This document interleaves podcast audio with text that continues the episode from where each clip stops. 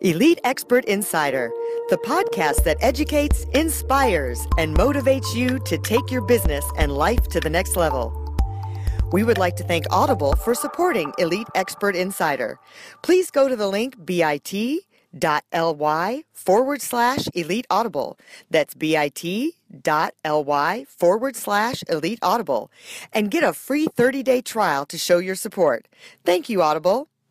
Now to Elite Expert Insider for conversations with industry leaders. Hey, thanks for joining us today. We're so happy to have you here. Um, please, if you like us, send us love, subscribe to our podcast, leave us a review. We would love to hear from you. We answer all our reviews. Um, if you have any questions for our guest today, you can leave them there as well, and uh, we'll get back to you.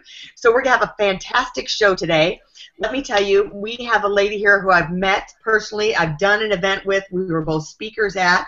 Uh, Valerie Burton is a three-time author, I want to say, maybe four times. She may even have another one in the works. Ten. Ten. Oh my gosh! How did I miss all those other books? So, ten-time author.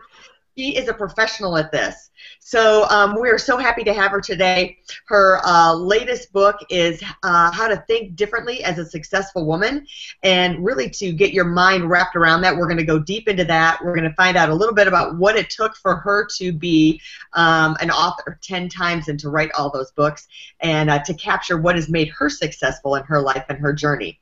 So, Valerie, thanks for coming today and taking time out of your busy schedule. I know you just launched a book recently. Thanks for coming. Well, I'm still writing my next book. Uh, so I am taking a break in the middle of writing, and I'm about to get on a plane later today because I'm speaking in Houston tomorrow.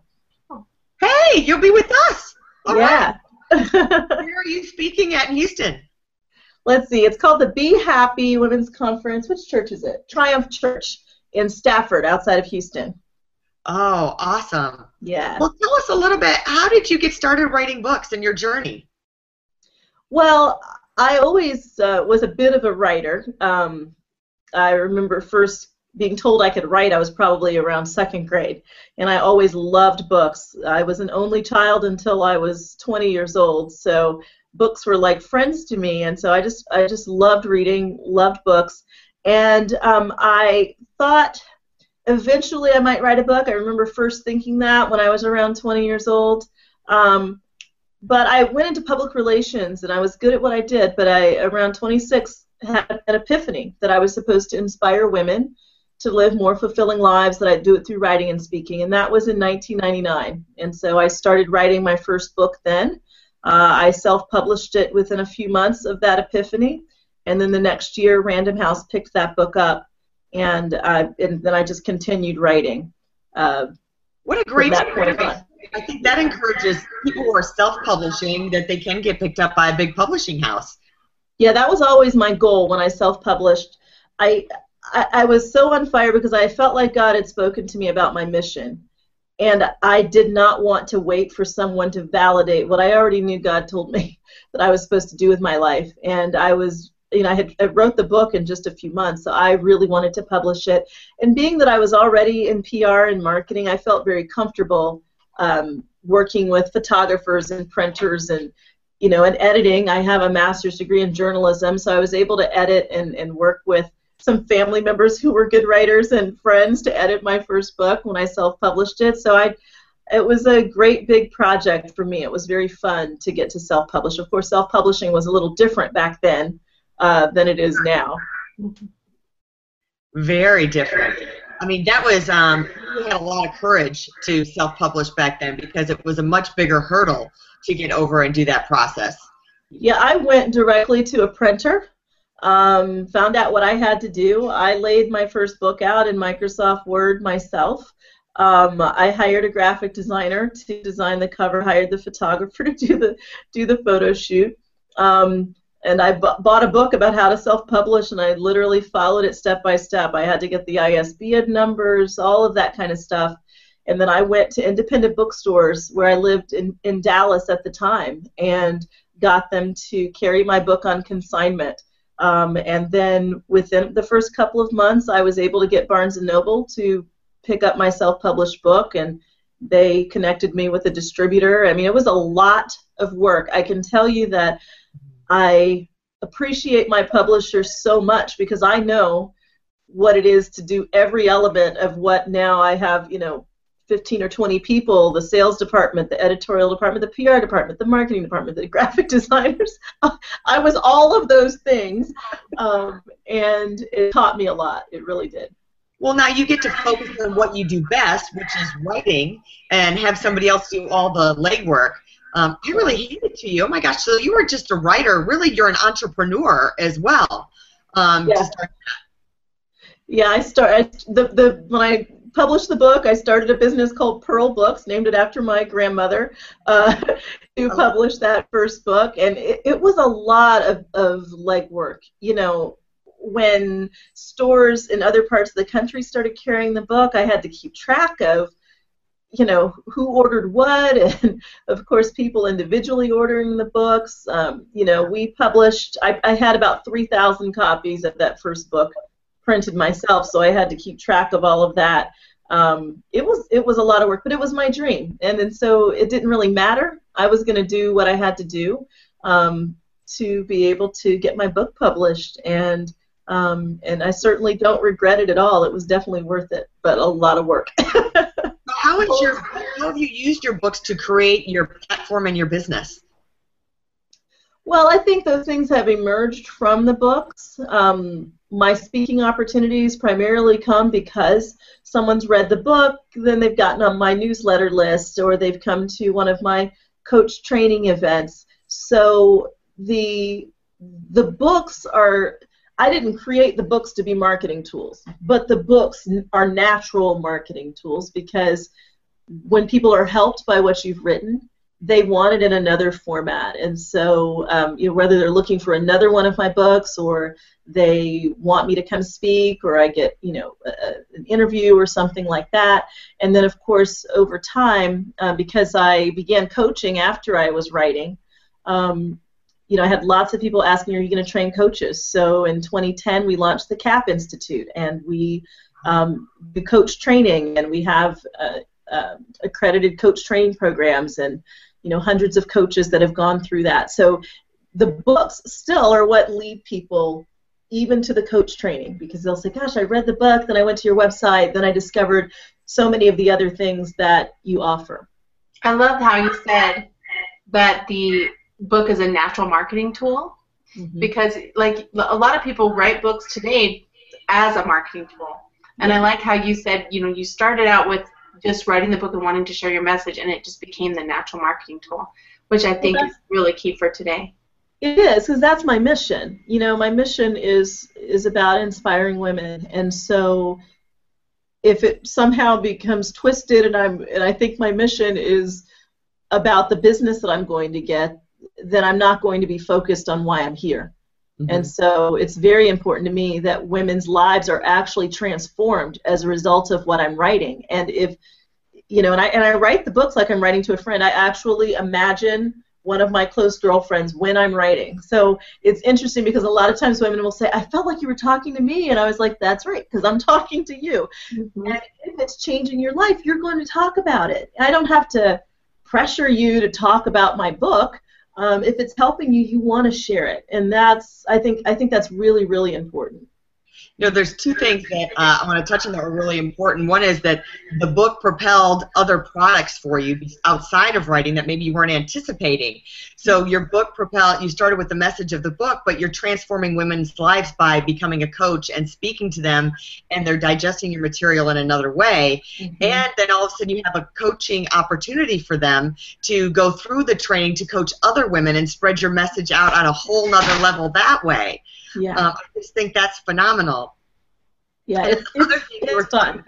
That people don't get the challenge in writing or even marketing in general is um, that you did speak to that one person. I think people try and uh, spread their message and talk to a group or a mass of people, and it makes you so much more intimate and tied into somebody speaking to that one person. You really have a gift that way with your words, and even when you're in person, when I heard you speak, it was really like you were speaking to your best girlfriend, and that's such a great message. Um, a, a lesson to learn in marketing in general when you're doing that. Well, you can only talk to one person at a time. I mean, you know, if, if I'm on stage and I'm thinking about talking to the 2,000 people that are standing there, the message ends up kind of missing the individual. Mm-hmm. And this is a very personal message, a message around happiness and around resilience. You know, just as you were sharing, Melanie, some of the things you've bounced back from, that's really personal. And so when I'm talking to people, they're thinking about what they're going through, the career change they want to make, the divorce they're trying to get through, you know, whatever's going on with their children, you know, the business they want to launch. And so I think it's to break it down in a way that feels very personal because that's when I think people grasp onto the message and they understand how to apply it in their own lives. Yeah. Now, how would you say from your books, how do women think differently to be successful? Say that again. How do women do what? How do women need to think differently to be successful? Oh wow, there's there's quite a few ways now. And successful women think differently. I specifically talk about these nine habits, but the whole idea behind the book, which emerged out of my capstone project when I went to graduate school uh, to study applied positive psychology. Um, it, you can have two women with very similar gifts, similar talents, um, similar backgrounds, resources, and you have one that excels and the other kind of languishes or she, she's average.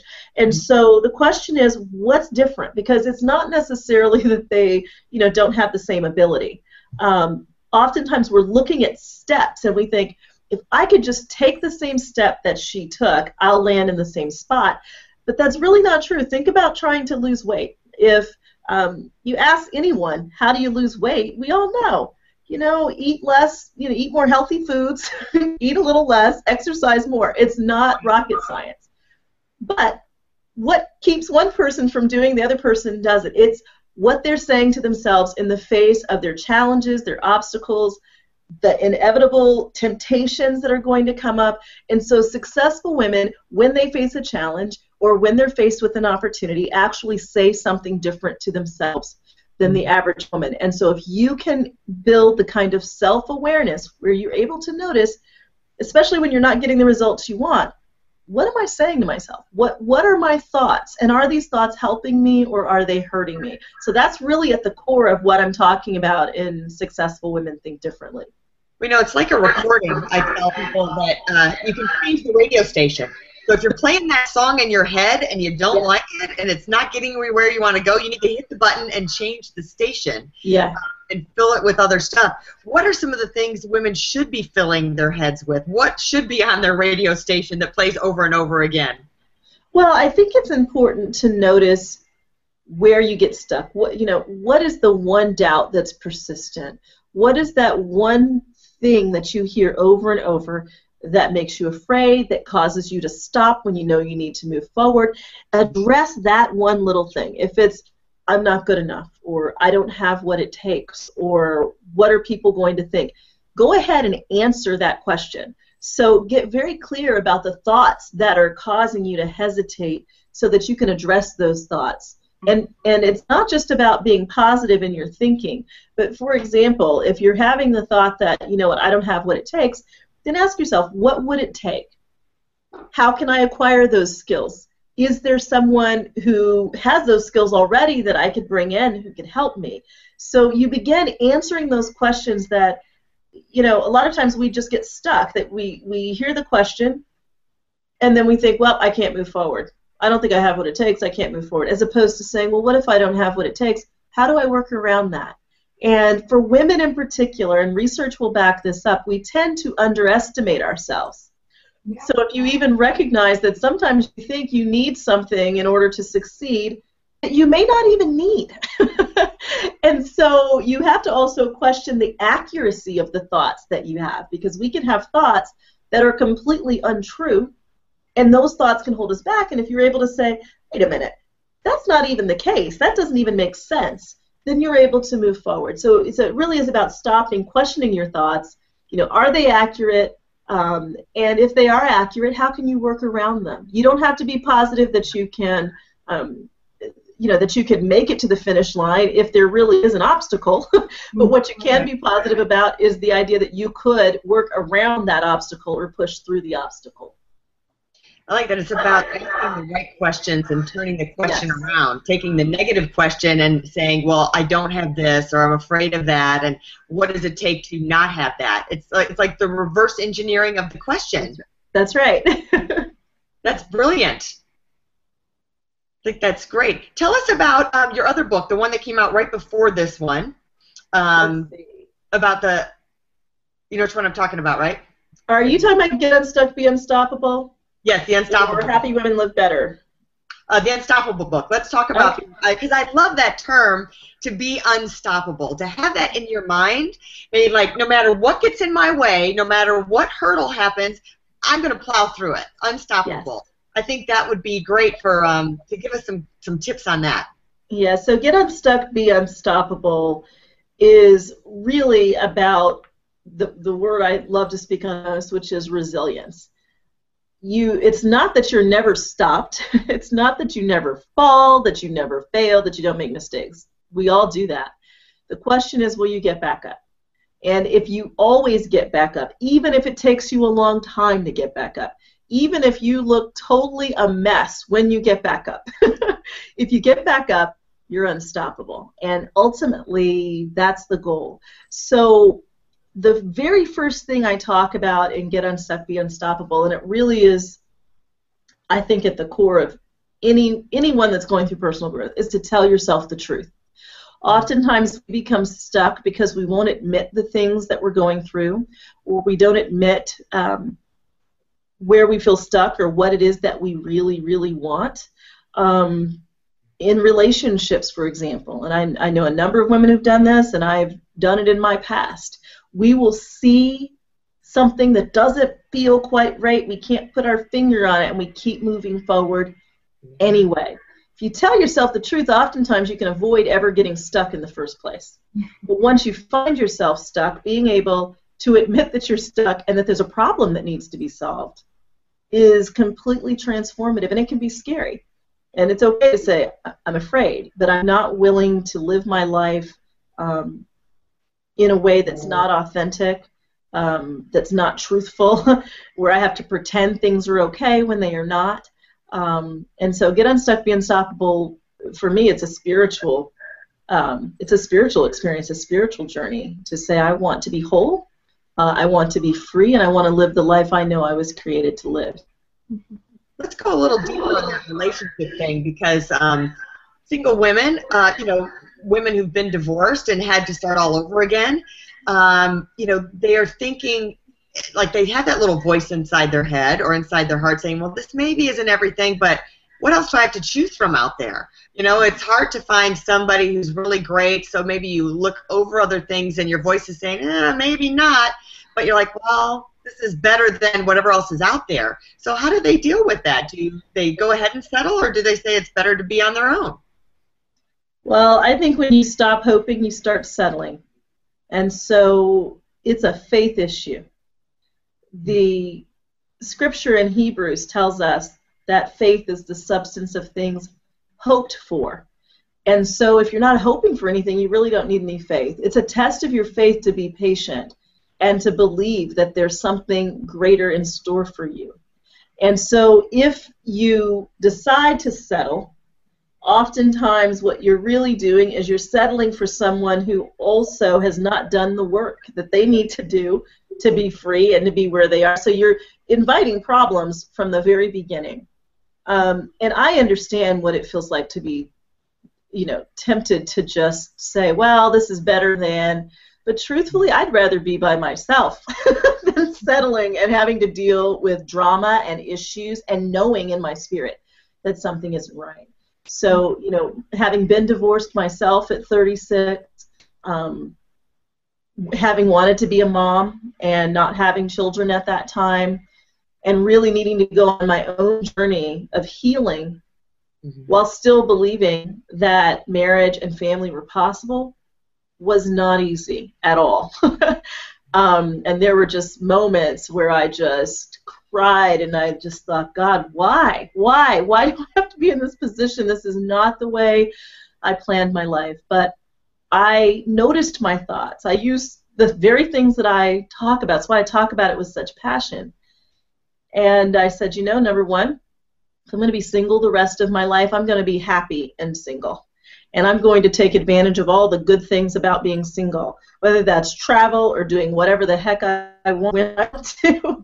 if, I, if I want to stay in bed all day on Saturday, I can do that. You know, I decided to look at what I had as opposed to looking at what I didn't. Mm-hmm. Um, and then I decided that there were some some just very clear things that were needed, and if those things weren't present, uh, you know, in a potential partner, then I knew it wasn't going to work. I didn't need to be angry at the person, but it's like this. I know what the vision is, and so uh, God brought it all together. I mean, and I believe it was because I had the faith uh, to believe it and to be patient and to not allow my fear to direct my actions. Mm-hmm. Um, and so I, I remarried uh, a little over two years ago. Uh, when I remarried, I um, got a bonus. I call them my bonus daughters, my, my husband's uh, two daughters. Um, and I became a bonus mom. And, uh, and, and even though we tried to get pregnant, that has not happened. But we last year adopted a beautiful little boy um, who is just my heart. Like I, I couldn't love him anymore. Um, and I realized that everything happens for a reason. And, um, you know, sometimes the way you think it should happen is not the way it will happen, Mm-hmm. but it can be even better than you thought because, because you waited and you allowed things to unfold the way that they should. I think I shared with you both of my uh, two boys are adopted as well and had a similar journey as you. And Wow. It is. They are just. They're 110% my kids, nobody else's kids. Oh, so you're my sons and nobody else's. Even though they do have my former husband, I do kind of share them with them. But I, I just tell them they're still mine and nobody else's. Well, you know what? He it's so cute because it's like he says things sometimes that are just for me. I mean, he's on this kick right now where he's just constantly saying, "My mommy, my mommy." So when the girls come around, he you know he tells them, "My mommy," and they'll tease him back, and they'll go, "My." They call me B mom. They'll go, "My B mommy," and he's like, "No." and it just you know it's it's adorable because I also need to hear that, you know, and it's uh, it's a beautiful thing. And the funniest part is people constantly tell my husband and I how much our son looks like us, and we go, "Oh, you think so?" That's the best. yeah, God has a way of doing that. He lines all the stars up for you and makes it just the way it's supposed to be. Well, give us some um, leaving thoughts. Give us something that uh, you know, a takeaway that maybe things, uh, something that a woman should be asking herself or should be telling herself that uh, will motivate her for the day. Oh, wow. You know, I think it's so important that you be clear about your purpose and your vision. I know that sounds so basic, um, but be, be answer the question how is someone's life better when they cross paths with you? You know, the world should somehow be better every single day. You know, it doesn't have to be some big, huge thing that you do, but be present enough with people that somehow they got a boost in their day because they cross paths with you. Um, That's a tweetable moment right there. Yeah. yeah, yeah. I mean, that alone brings you joy because it really is about serving, and um, and then I think it's really important to know where you want to go from here. And so, wherever you are, you may have already reached a vision, but what is the vision from here? And it doesn't have to always be about some grand achievement. Sometimes it is, um, but oftentimes, you know, you might be at a point in your life where your goal is to be able to work less. You know, your goal may be able to uh, to to be at home and and not need to work, and that's an incredible goal. So the goal isn't always about doing more. Sometimes it's doing less, but make sure you have a goal that speaks directly to your heart, um, to where you want to go, and to what's going to matter for you and your family long term. That's great advice. Like that. Well, tell us, uh, give us your website. We're going to post it, but tell us exactly where we can find you and find all your materials. If So go to Valerie Burton, or ValerieBurton.com. Oops, I'm sorry. I think I'm talking over you. I hear an That's echo. fine. we had some echo. Um, so go to valerieburton.com uh, and you can subscribe to. I do a weekly column and news, newsletter. So in that top right corner, you can subscribe to the newsletter and stay uh, abreast of all of my speaking engagements and things that are coming up. And then we've got a um, our next coach training intensive, a three-day event here in Atlanta, coming up May 21st through the 23rd.